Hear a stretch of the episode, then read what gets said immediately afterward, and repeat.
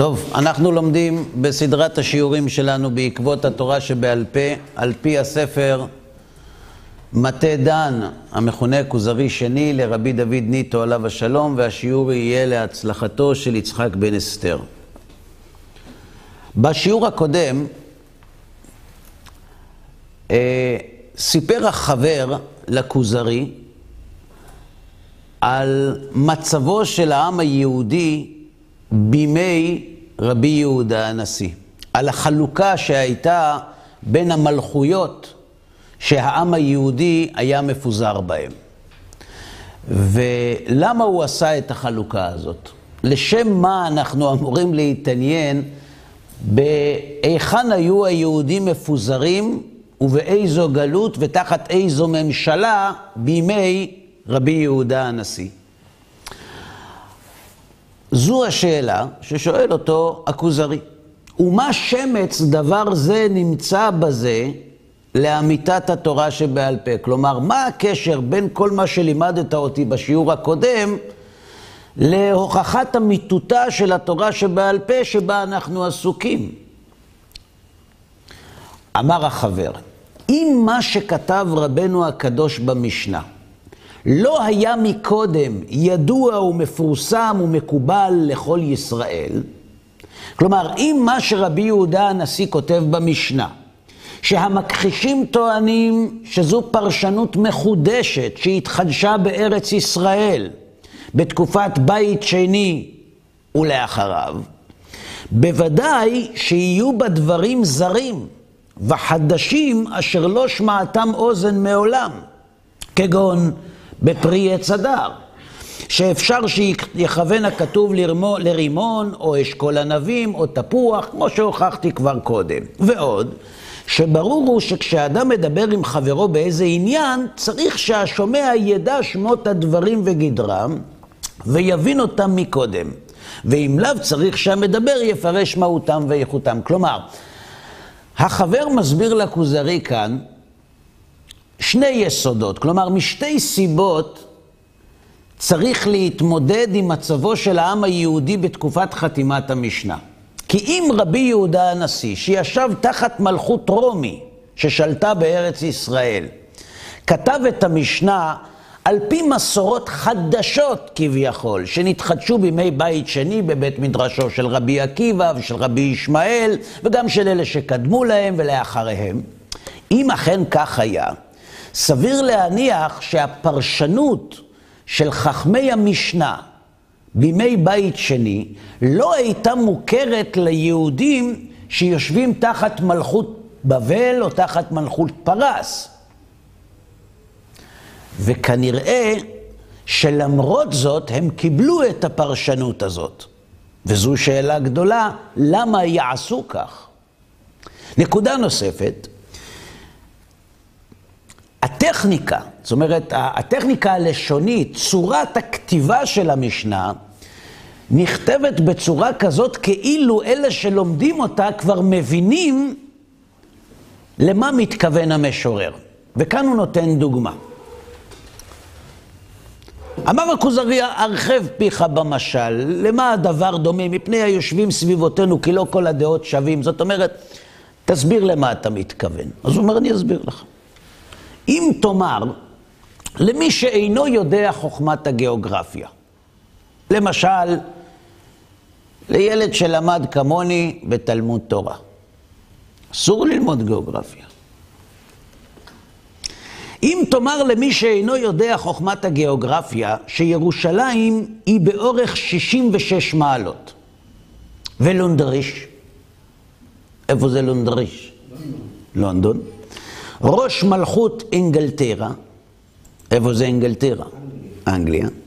קרוב ל-20. כלומר, ירושלים 66 מעלות ואנגליה 20 מעלות. ושלכן יזרח ויעריב בירושלים שלוש שעות קודם לונדריש. בסדר? הזריחה והשקיעה. יישאר לך להסביר לו מהן מעלות ומהו אורך. כלומר, כשאתה אומר לילד שלא למד גיאוגרפיה, שהשמש זורחת בירושלים ושוקעת שלוש שעות טרם לונדריש, אז הוא יודע שהשמש זורחת שלוש שעות ושוקעת שלוש שעות לפני לונדון.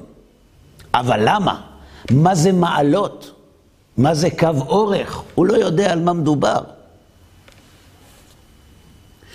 ולמה השמש יצא ויבוא בירושלים קודם לונדריש? ולמה שלוש שעות ולא שתיים ולא ארבע? ולכן צריך שתודיע לו גדר השמות ופרטיהם אחד לאחד. ואם לאו, לא יבין תוכן הדברים ויבוז לשכל מלך. כלומר, אם לא תסביר לו איך זה עובד, ומה היא מעלה, ואיך השמש מאירה, ומהיכן היא באה ולהיכן היא הולכת, ואיך הכדור מסתובב ובאיזו זווית, הוא לא יבין את מה שאתה רוצה, והוא יגיד שאתה מדבר דברי הבל. אבל אם תאמר, סתם, ליודע חוכמה זו, שירושלים היא 46 מעלות יותר מזרחית מלונדריש, באוזניו ישמע ולבבו יבין דבר מתוך דבר בלי שצריך לפירוש. הוא ידע לפי מה שאמרת עכשיו מתי תזרח השמש בירושלים, מתי בלונדון ולמה. מספיק שתגיד לו את הבדל המעלות ביניהם. למה? כי הוא מבין את חוכמת הגיאוגרפיה, ולכן לא צריך לפרש את הכללים שעל פיהם אתה בונה את החוכמה. זה ברור. עכשיו לנמשל. כך רבינו הקדוש כתב בפרק לולב הגזול, רבי ישמעאל אומר, שלושה הדסים, שתי ערבות, לולב אחד ואתרוג אחד. כך כתוב במשנה. ואילו לא היה ידוע לכל ישראל שאתרוג הוא פרי עץ הדר האמור בתורה, היה לו לרבי לומר, איזה הוא פרי עץ הדר? זה אתרוג, כמו שאומר, איזה הוא נשך. איזה הוא נשך? מה זה נקרא נשך? והוא מסביר במשנה מה זה נשך. שהוכרח לפרש, כי לא פורש בתורה מהו נשך. לנוכרי תשיך ולאחיך לא תשיך.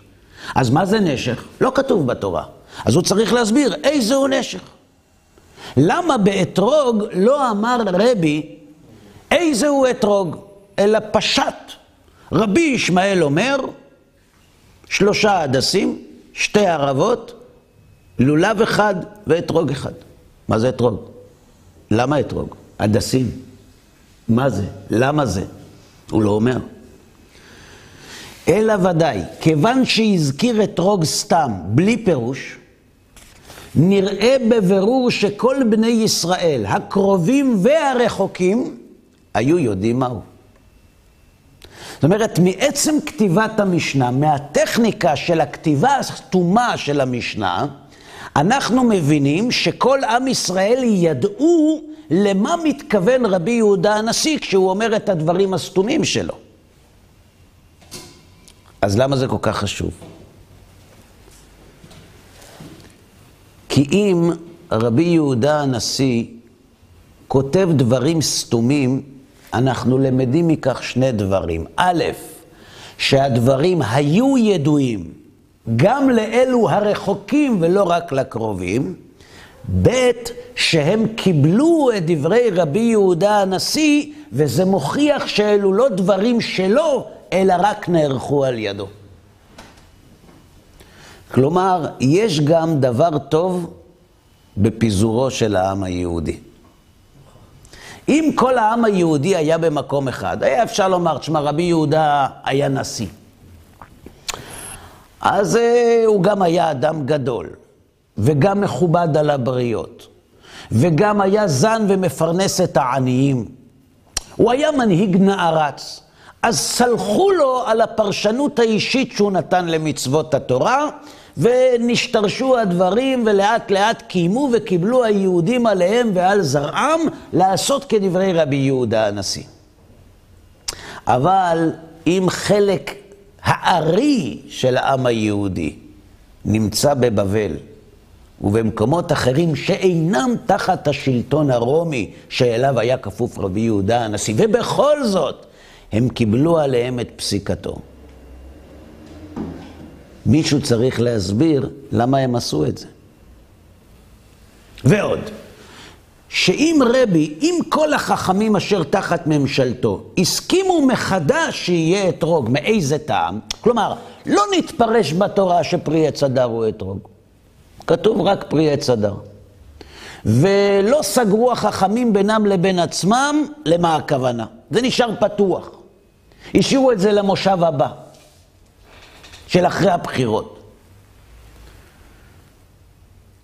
איך לא קמו נגדם חכמי בבל כאריות שואגים? זאת אומרת, נניח שרבי יהודה הנשיא ישב עם תלמידיו ועם חבריו ואמרו, שמע, יש לנו כאן הזדמנות, אנטונינוס הוא זה ששולט בכיפה, והוא מלך של חסד, ו, ואנחנו לא יכולים לדעת כמה זמן זה יימשך. בואו ננסה להגיע לאיזה משנה סדורה, כדי שכשעם ישראל יצא לגלות, יהיה לו משהו ברור.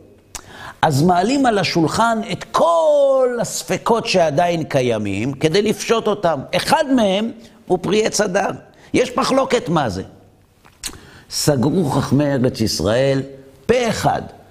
מעתה והלאה יהיה פרי עץ אדר אתרוג. שואל הכוז... החברת הכוזרי, איך לא קמו נגדם חכמי בבל כאריות שואגים? חכמי ישראל יודעים לנהל מחלוקות, והם לא נושאים פנים לאיש. אנחנו יכולים לראות מחלוקות קשות, נוקבות מאוד, שהיו בין גדולי הדורות. המחלוקת המפורסמת בין רבי אליעזר לרבי יהושע בעניין תנורו של אחנאי, וגם בדורות אחרונים, גם בדורות שלנו. מחלוקות רבות בהלכה יש בין חכמי ישראל, ואם אחד מן החכמים חושב אחרת, הוא לא מהסס לקום ולומר את דברו. אז אם כאשר הם יחד, הם מסוגלים לחלוק כשהם לא כפופים אליו, על אחת כמה וכמה. אני זוכר שאחד מגדולי ישראל נתן הוראה בישיבה שלו לגבי בחורי הישיבות שינהגו דבר מסוים. לא, לא בהלכה. משהו בעניין, בעניין של, של איך להתנהל כשהם יוצאים לרחוב. והמנהיג הזה, ראש הישיבה הזה, היה מנהיג לא רק של הישיבה שלו, כמעט של כל עולם התורה. ואז באו לראש הישיבה אצלנו ואמרו לו, כבוד הרב, איך הרב מרשה דבר כזה? הרי הרב uh, הגדול ההוא אמר uh, הפוך. אז הוא אמר, הוא ראש הישיבה בישיבה שלו, ואני ראש הישיבה בישיבה שלי. האם הוא לא כיבד אותו? מאוד כיבד. אבל כאשר אחד מחכמי ישראל חושב, ויש לו דעה הלכתית בנושא מסוים,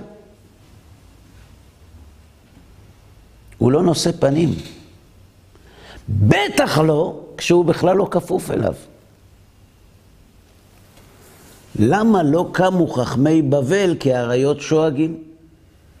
אפשר שבל ייראה ובל יימצא בין רבבות אלפי ישראל שהיו בבבל גם אחד הירא את דבר השם שיקרא ויאמר מה המעשה הרע הזה אשר עשיתם והפכתם את דברי אלוהים חיים השם צבאות אלוהינו אשר אמר למשה בסיני שפרי עץ הדר הוא רימון או תפוח למה סגרתם על אתרוג? מכל אנשי בבל לא היה קנאי אחד לדבר השם שיקום ויאמר, מי שמכם לקבוע שפרי עץ הדר הוא אתרוג?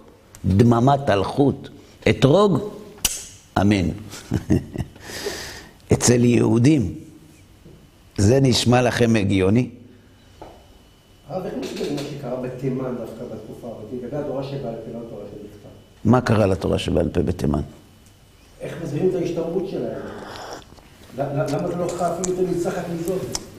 תראה, יהודי תימן לא היו מנותקים מעם ישראל. יש מין אה, מחשבה כזאת שאלפי שנים היהודים, זה לא נכון. הם לא היו מנותקים. הקשר לא היה רציף כל כך מפני הרבה סיבות, אבל אנחנו יודעים למשל שהרמב"ם היה בקשר חזק מאוד עם, עם יהודי תימן, וגם עוד קודם לכן. זה לא מדויק שהם לא היו בקשר. זה נכון שהקשר לא היה יומיומי, אבל בוודאי שהיה קשר. אנחנו מדברים כאן על כפיפות לסמכות שונה. כלומר, חכמי ארץ ישראל כפופים לרבי יהודה הנשיא. כי הוא הנשיא הממונה מטעם השלטון. לעומת ראש הגלות בבבל, שהוא הנשיא של עם ישראל שבבבל, שמונה על ידי השלטון של בבל, או של פרס. כלומר, יש כאן סמכות לא רק הלכתית, יש כאן גם סמכות משפטית, דינית. הם לא חייבים להיות כפופים לרבי, הם יכולים להתנדב. מצא חן ביניהם רבי יהודה הנשיא. היה גאון, אמרו בואו נקבל את דבריו. אבל אחד שלא יקום ויגיד, בשום אופן, המסורת שלנו שונה, לא יהיה כדבר הזה. לא תראו בבית כנסת אנשים הולכים להתפלל, ומישהו מחליט להביא איזה חידוש כזה, במנגינה, לא תגידו בהלכה. לא יקום ולא יהיה, פה המסורת שלנו ככה, אף אחד לא ישנה. לא היה בבבל אצל העיראקים אחד כזה. כן, בבקשה. יש לי שאלה, שרבי יהודה הנשיא חתם את התלמוד. כן. הרי לפי הבנתי רק משם בעצם התחיל בעצם הפירוט של הבבלים והאמוראים, של הסליחה של האמוראים בארץ ישראל ובבבל, לא? שבעצם גם רב וגם שמואל היו התלמידים של רבי יהודה הנשיא, ומשם התחיל כל, ה, כל הבבל, אז אם הם היו תלמידים שלו, הם בעצם קיבלו ממנו את התורה הזאת. לא הבנתי את השאלה. החלוקה של בבל בארץ ישראל. חלוקה של בבל בארץ ישראל הייתה קיימת גם בתקופת המשנה. חלוקה של בבל וארץ ישראל למעשה קיימת מבניין בית שני. עם עזרה עלו מבבל חלק קטן מאוד מהעם היהודי, 42 וחצי אלף איש בלבד. והיה להם את המשנה של רבי יהודה הנשיא שהוא כתב? היה להם את התורה שבעל פה, את הפירוש שקיבלו ממשה רבנו ועבר דרך הנביאים, דרך המוסרים כפי שמונה הרמב"ם.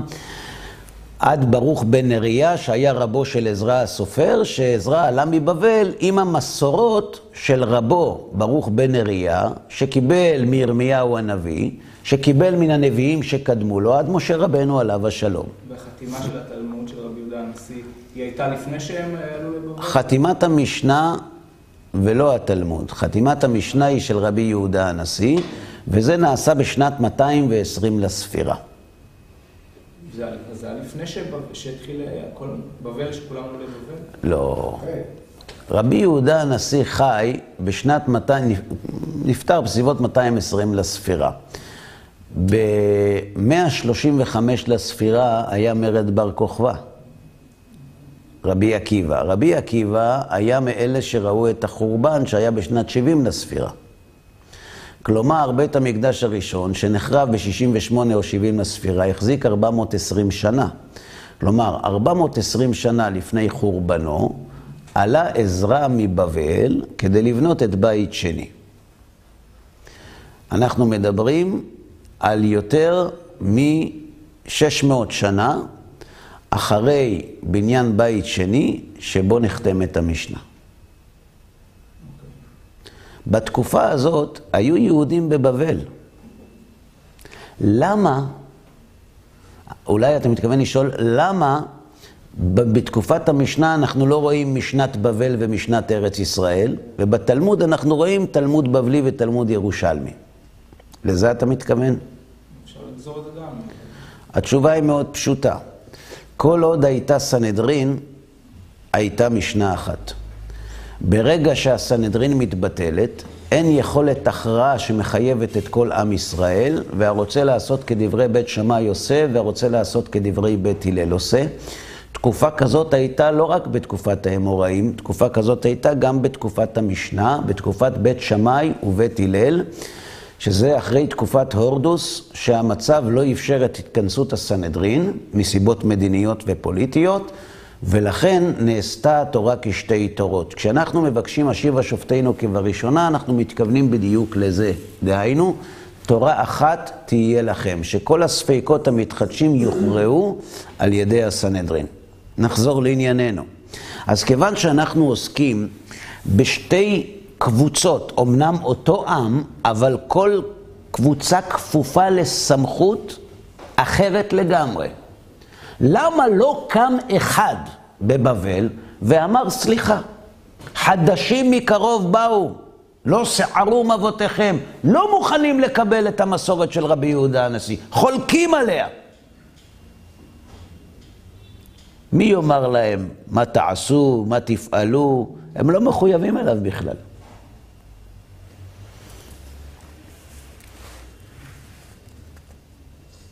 וכן היה להם לומר על כל מה שכתוב במשנה, לא רק על פרי עץ הדר. סתם לקחתי דוגמה, אומר החבר לכוזרי. כגון דברים שכתוב במשנה שלא נמצא כתוב בתורה. יש הרבה דברים במשנה שלא כתובים בתורה. למשל, ואלו טרפות בבהמה, נקובת הוושת, פסוקת הגרגרת, ניקב קרום של מוח, וכן בכמה וכמה מצוות. כלומר, ת, תנסו לדמיין שאיש בבלי שוחט בהמה, עוף, נניח כבש, אה, בשביל חגיגות יום העצמאות. בסדר? למשל. זאת אומרת, הוא, הוא מזדהה עם, עם מדינת ישראל, למרות שהוא גר בעיראק. והוא שוחט כבש, ואז מגלים נקובת הוושת. מה זה נקובת הוושת? יש נקב מפולש מצד לצד בוושת של הבהמה. בא אליו מישהו, אומר לו, אסור לך לאכול את זה. אומר לו, למה? הוא אומר לו, לא שמעת מה הרב פסק במשנה? נקובת הוושת זה בשר בשדה טרפה, לא תאכלו. אומר לו, תקשיב, אני קצב, בן בנו של קצב עד יוצא מצרים. לא שמענו כדבר הזה. אתה, אל תאכל. מי הוא שיגיד לי מה לאכול ומה לא? זה לא כתוב בתורה. נקובת הוושת לא מופיע. וכן בכמה וכמה מצוות. וראה זה פלא, לא מבעיה, לא הטיחו דברים כלפי מעלתו, לא רק שלא התנגדו, אלא אדרבה, שיבחו והודו לשמו, ויכתבו את ספרו היקר על לוח ליבם, ועל טוב ייזכר שמו צדיק בכל הדורות, כי כל דרכיו אמת וצדק. במטיבתות בבבל, בסורה, בפומפדיטה, את מה למדו? את התורה של רבי יהודה הנשיא. מה זו גמרא? גמרא זהו המשא ומתן ההלכתי שבעזרתו מחלצים מהמשנה החתומה את ההלכות שהטמין בתוכה רבי יהודה הנשיא. כלומר, לא רק שלא יתנגדו, לא תשמעו, והיהודים טובים בזה חבל על הזמן, לא תשמעו לאורך כל תקופת האמוראים. אחד שיוצא נגד רבי יהודה הנשיא. איך זה יכול להיות? אם מדובר בהמצאה, אם מדובר בחידוש, הרי הבבלים יושבים בבבל מתקופת בית ראשון, מסוף גלות בית ראשון. הם לא מחויבים לשום פרשנות שלו. ורב ושמואל, תלמידיו, תלמידיו של מי? נכון. הלכו לבבל, ופרשו המשנה באין פוצה פה ומצפצף נגדם. תארו לעצמכם שיגיע איזה רב אשכנזי למרוקו. או הפוך. רב ממרוקו יגיע לאשכנז ויגיד להם, אתם לא עושים נכון, צריך לעשות ככה. יקבלו דעתו? ואין פוצה פה ומצפצף נגדם, נגד רב ושמואל, שמפרשים את, ה, את כל התורה על פי המשנה של רבם. בסדר, אתם תלמידים שלו, יש עוד דעות. ורבי יוחנן חיבר התלמוד הירושלמי בארץ ישראל. מתי חיבר רבי יוחנן את התלמוד הירושלמי?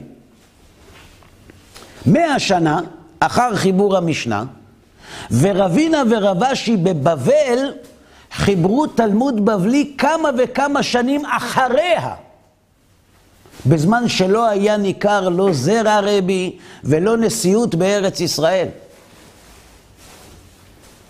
הרי לך שכל מה שכתוב במשנה נתקבל בכל ישראל לאמת ויציב בימי חייו, ומה גם אחרי מותו שנים רבות. תקופת חתימת התלמוד על ידי רבינה ורבשי בבבל נעשתה מאות שנים לאחר מותו של רבי יהודה הנשיא. שאפילו מזרעו כמעט ולא נותר איש. למי הם היו מחויבים? לאף אחד. אז למה כולם כופפו את עצמם תחת רבי יהודה הנשיא? מה היה סוד כוחו? יש תשובה מאוד פשוטה. במקום להתפלפל, לפעמים המטבע מתחת לפנס. רבי יהודה הנשיא, לא היה לו כוח. הוא פשוט ערך את פירוש התורה שבעל פה שהיה מוכר לכולם, ממות משה רבנו. לכן אין סיבה שמישהו יחלוק עליו.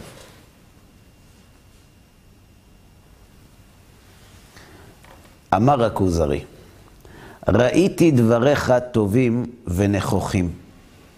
זה באמת, זה טיעון ש, ש, שצריך להתמודד איתו. אבל נראה לי שהדברים עתיקים. זה לא חידוש שלך, מה שאתה אומר עכשיו. שכבר שמעתי פעם אחרת הטענה הזו עצמה או קרוב לה.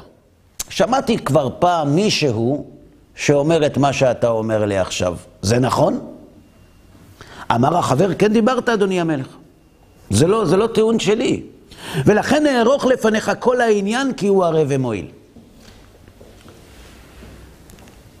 אתם יודעים ממי הוא שמע את זה? מאוגוסטינוס. אוגוסטינוס לא היה בן ברית. דע, כך אומר החבר לכוזרי.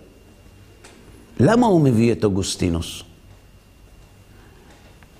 כי אם תחזרו שלושים פרקים לאחור, בהקדמה לכוזרי השני, מסביר לנו רבי דוד ניטו למה הוא כותב את הספר. הוא כותב את הספר בעיקר בעבור האנוסים שביקשו לשוב אל היהדות, ואת התורה שבכתב הכירו מהחיים הנוצריים, אבל התורה שבעל פה הייתה זרה להם. הירידה לפרטים, הטכניקה הזאת, מאוד לא הייתה מקובלת עליהם, והיא גרמה ללא מעט אנוסים לשוב לאחור אל חיקה המפנק של הנצרות. לכן, כשהוא רוצה עכשיו להביא דוגמה, הוא משתמש דווקא בחכם הנוצרי, אוגוסטינוס, שהיה מגדולי התיאולוגים הנוצרים, במאה ה-13, סליחה, במאה השלישית, והוא הוא, הוא למעשה זה שניסח, טוב, לא משנה כרגע, בכל אופן, דע כי אוגוסטינו חכם גדול מחכמי הנוצרים כתב בפרק ט"ו על המקרא, וזה לשונו.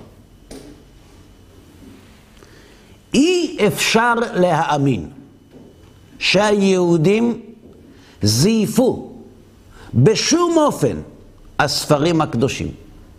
לא שייך שהיהודים זייפו את ספרי הקודש שלהם.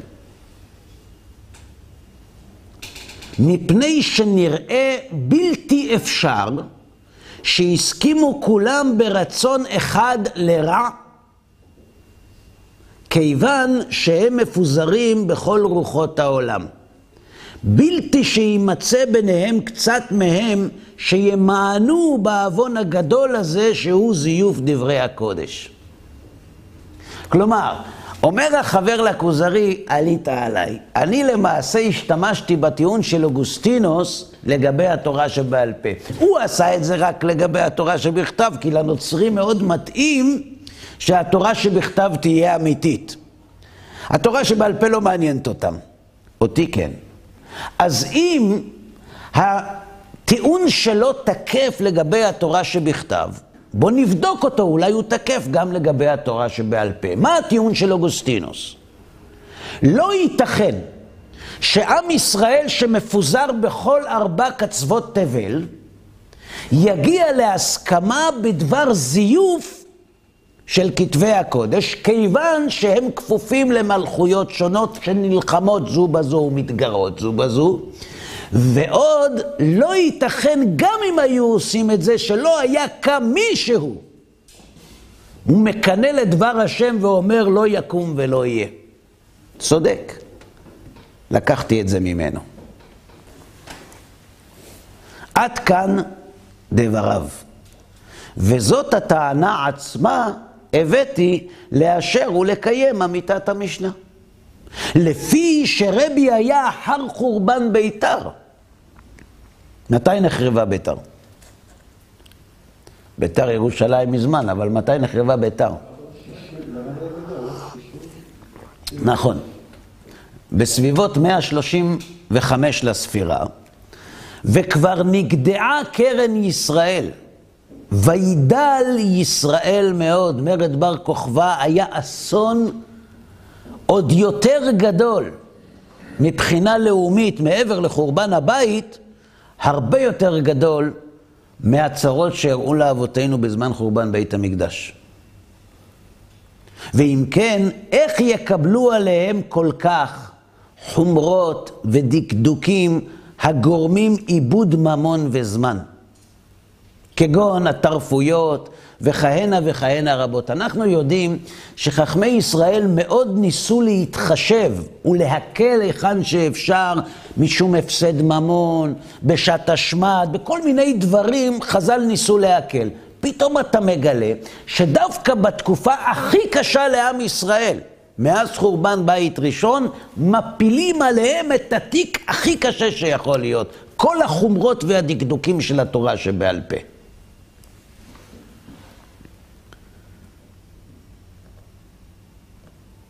אם לא שיאמינו וידעו שהם מאת השם מן השמיים, זה אי אפשר בשום פנים. כי האיך הכביד רבי עולו על ישראל, והם בתכלית הדלות והעוני. אגב, תנסו לחשוב, כשאדם רוצה להחמיר על אנשים, חומרות שגורמות להם הפסדים כספיים לא פשוטים. ולו בהלכות טרפות בלבד. אתם יודעים כמה עולה האוכל הכשר בארצות הברית? כמה עולה האוכל הכשר ביחס לאוכל הלא כשר? אוכל לא כשר, זה, זה, זה, זה לא נספר בכלל. הבדל עצום. נכון? עכשיו, אם מישהו רוצה להחמיר על עם ישראל ולגרום להם בענייני כשרות בלבד להפסד ממון גדול, אם הוא עני, הוא יצליח יותר מאם הוא עשיר או פחות? יצליח יותר. למה? אם הוא עני, אומרים, גם על עצמו הוא מחמיר, גם הוא ניזוק מזה. כנראה זה אמיתי. אבל זבל פרדותיו של רבי יהודה הנשיא היה שווה יותר מעושרו של שבור מלכה. רבי יהודה הנשיא היה עשיר גדול. ואם העשיר הגדול הזה, עם כל עוצמתו ונשיאותו, היה מפיל על עם ישראל פסיקות הלכתיות שגורמות לדילול ממון אחרי חורבן ביתר, מה אנשים היו אומרים? בטח. אין השבע מבין את הרעב. ככה היו אומרים, מתקוממים.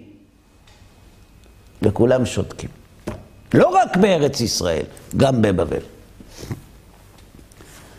כי האיך הכביד רבי עולו על ישראל והם בתכלית הדלות והעוני, ועם כל זה, כולם קיבלו דבריו בסבר פנים יפות, ולא שמו לב לא על עיבוד ממון ולא על עמל ויגיעה לשמוע בכל דברו. אם הטענה הזאת היא חזקה להשיב תשובה למתגוללים על זיוף המקרא, כדברי אוגוסטינוס החכם הנוצרי, למה לא תועיל גם כן לממאנים בדברי המשנה? עם הטיעונים האלה המכחישים לא מתמודדים. הם מדברים בגדול, הרבנים. הם מכוונים למכנה המשותף הנמוך ביותר. הרבנים, הרבנים רוצים לשלוט, הרבנים רוצים כוח. איך אמר אחד היהודים המנודים? הוא אמר שחכמי היהודים מעודדים את הענווה כדי שבעזרתה יוכלו להשתלט על ההמונים. כן, ככה הוא אמר.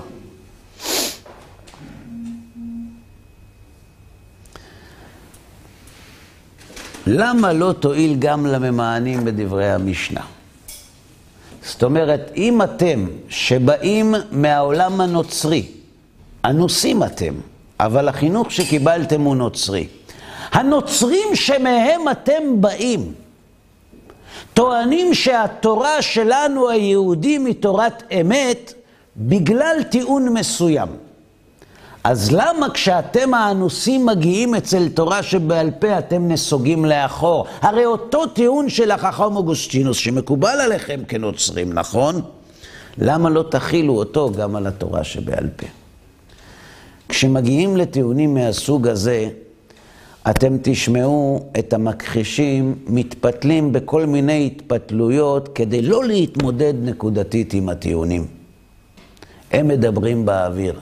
הרבנים רוצים כסף, רוצים להשתלט, עושים בד"צים, רוצים להרוויח, להביא מינויים למקורבים. הגישה הזאת היא עתיקה מאוד, היא לא חדשה. היא גישה שתפקידה לסחוף את ההמונים כנגד סמכות החכמים, אלא שההמונים לא יודעים למה מנסים המכחישים למשוך אותם לכיוון ההוא. לא כי הם חפצים את טובתם, כי הם חפצים לנפץ את אמיתותה של התורה שבעל פה.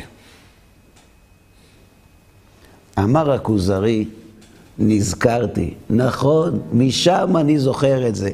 כל דבריך מיוסדים על אדני האמת והשכל, והן בהם נפתל ועיקש.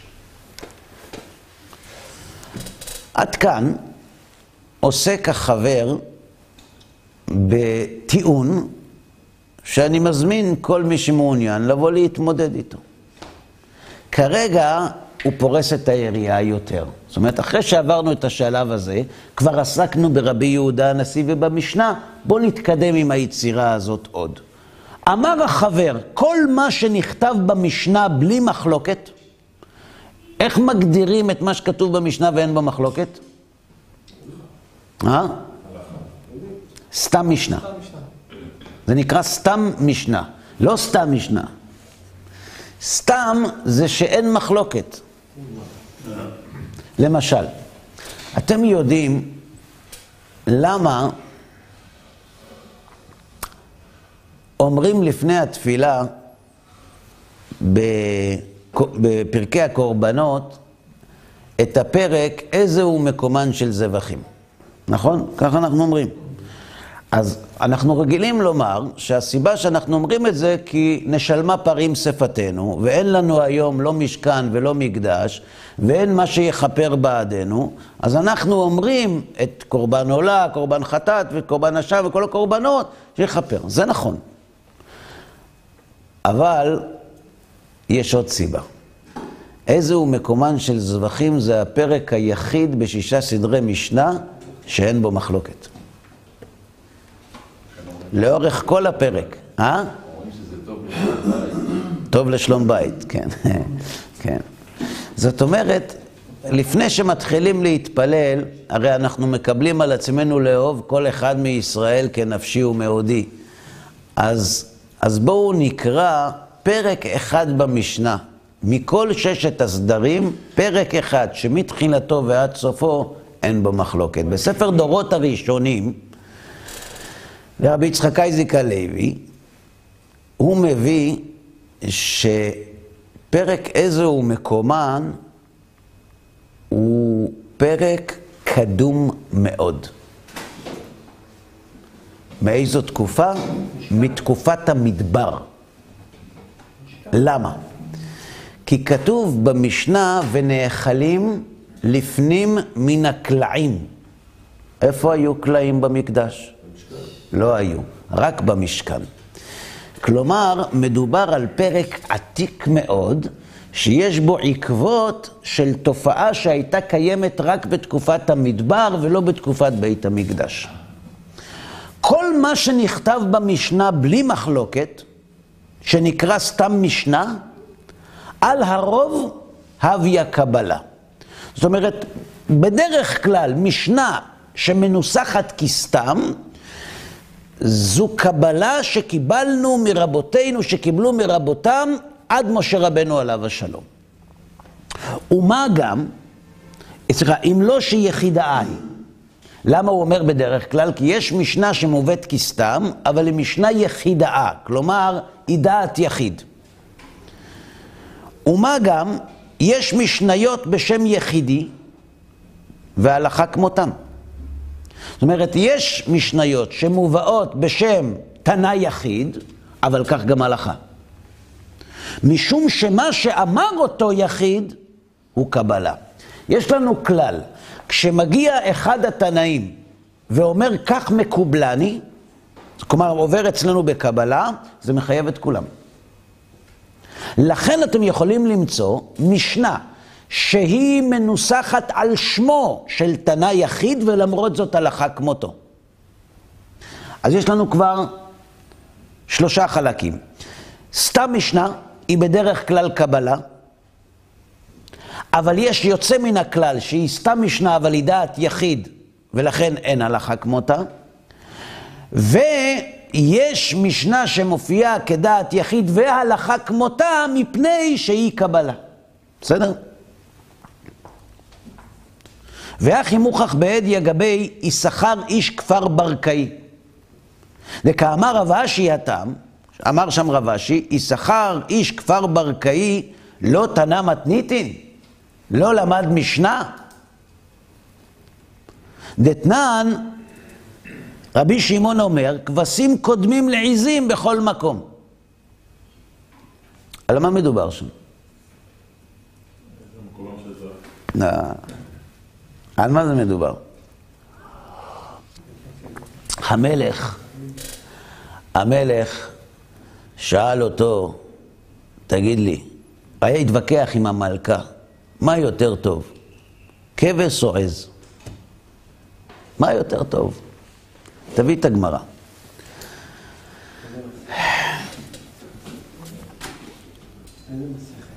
מסכת... מסכת כריתות.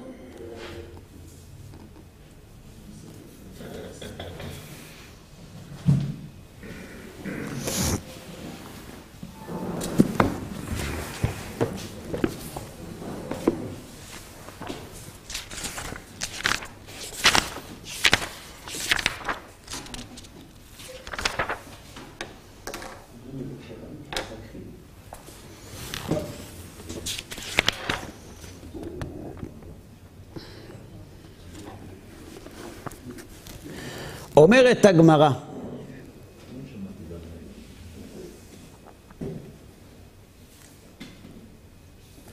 יששכר איש כפר ברקאי, שמכבד עצמו ומבזה קודשי שמיים. יששכר איש כפר ברקאי היה כהן, שהיה מכבד את עצמו ומבזה את קודשי שמיים. למה? מהי הווה אביד? מה הוא היה עושה? הווה כריך שיראי על ידי והווה אביד עבודה. היה שם כפפות על הידיים בזמן שהוא מקריב קורבנות, למה לא התאים להתלכלך מהקורבנות.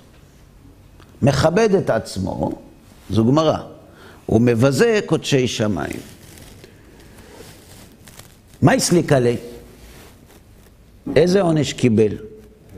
מה עלה לו בעקבות זאת? ינאי מלכה ומלכתה, הבו יתבין, היו יושבים, ואתם יודעים, המלך והמלכה, יש להם זמן פנוי. הם משתתפים בהרבה טקסים באנגליה. יש להם זמן פנוי. אז התווכחו. מלכה אמר גדיה יאי, ומלכתה אמרה אמרה יאי. המלך אמר, הגדי העז הוא טוב יותר, והמלכה אמרה, כבשה טובה יותר. אמרו, את מי נשאל? מי מומחה? הכהן. נשיילה ליששכר איש כפר ברקאי, דכהן גדול הוא, הוא מבין בבשר.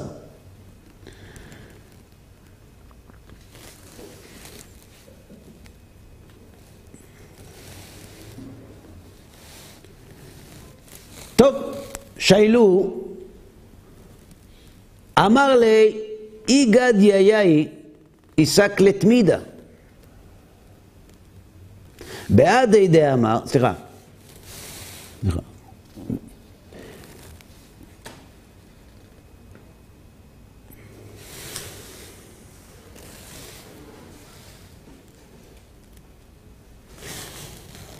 יש פה הגאות טבח.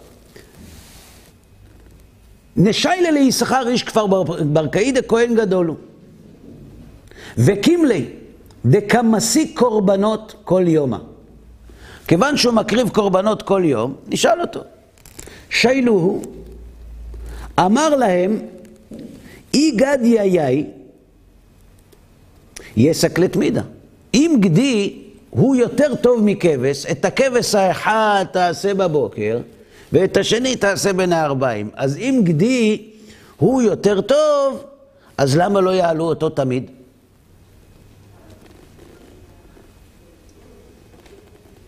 בעדי דאמר אחוי בידי. אמר לאון מלכה, הואיל ואחוי בידי, קוצצו לידי דמינה. הראה ביד, תחתכו לו את יד ימין. עכשיו, אם יחתכו לו את יד ימין, הוא לא יכול להקריב קורבנות יותר, כי יש לו מום, נכון? יהיב שוחדה, קציוע לידי סמלה. שילם שוחד, אז חתכו לו את יד שמאל במקום את יד ימין. שמע מלכה, אמר לי קצונה מליד ידי ימינה. מה חתכתם את השמאל? היה טעות בניתוח, תחתכו לו גם את ימין. בסדר? למה מספרים את כל זה? אמר רבי יוסף, בריך רחמנה דשקלה ליששכר איש כפר ברקאי למתרפסי. עכשיו תראו מה כתוב כאן. אמר רב אשי, ולא הבתני לי. דתנן כבשים קודמים לעיזים בכל מקום. הרי יש משנה מפורשת. כבשים קודמים לעיזים בכל מקום. מה אתה למד מזה? אה? שכבשים יותר חשובים.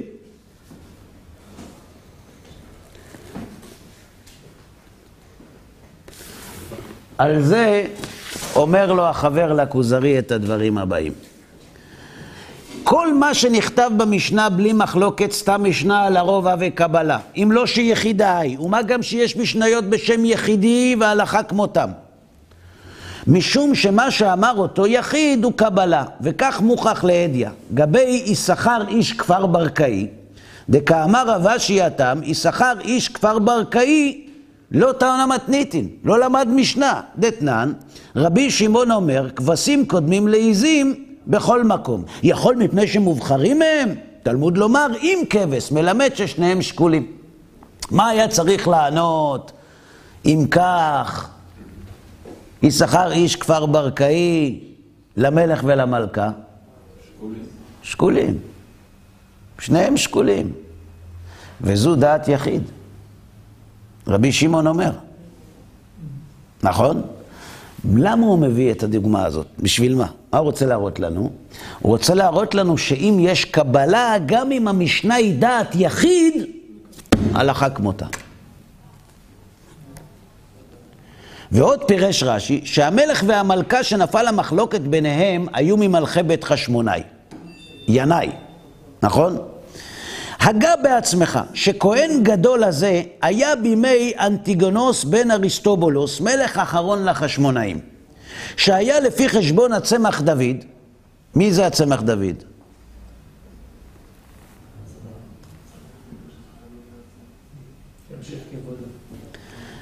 רבי דוד גנץ, שהיה תלמידו של מהר"ל מפראג, בערך לפני 450 שנה,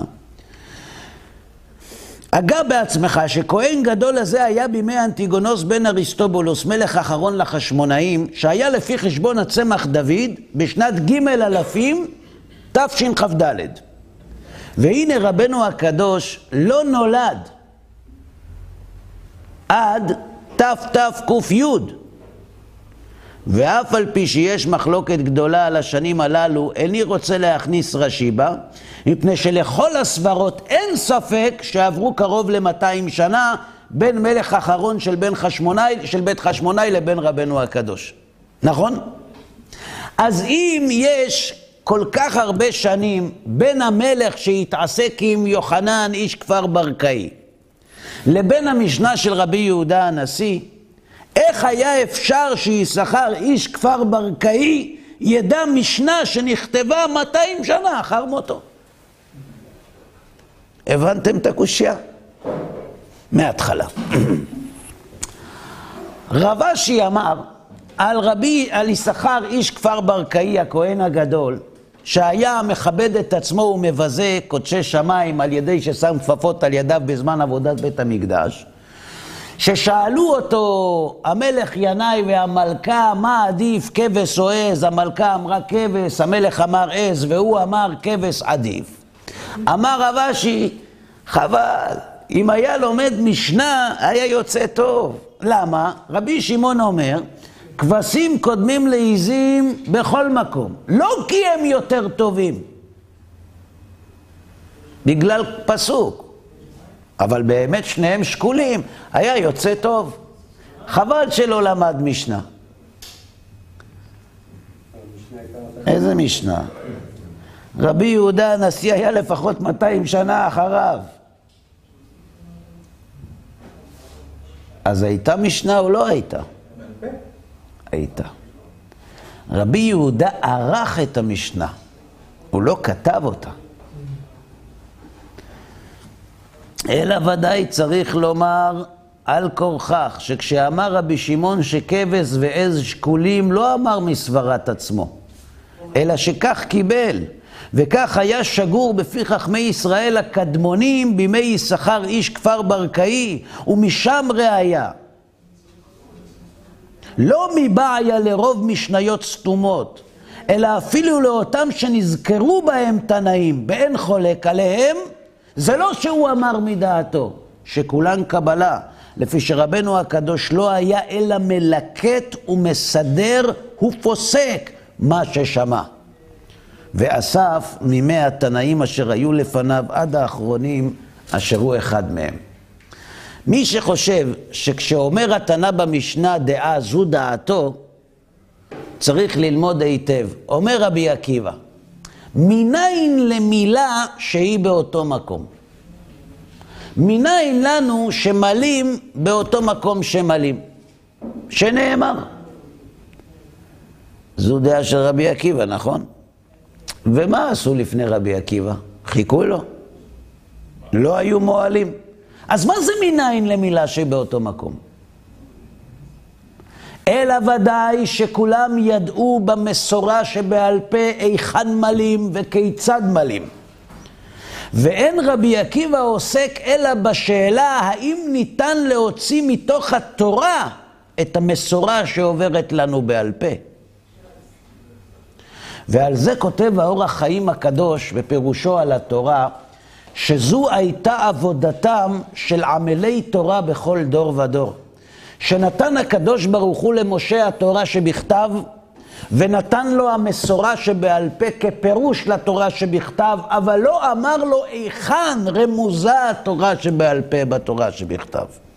וזו הייתה עבודתן של עמלי התורה לאורך השנים, להראות איך התורה שבעל פה רמוזה בתורה שבכתב, למעט ערוץ ההלכה למשה מסיני, שאין לו רמז בתורה.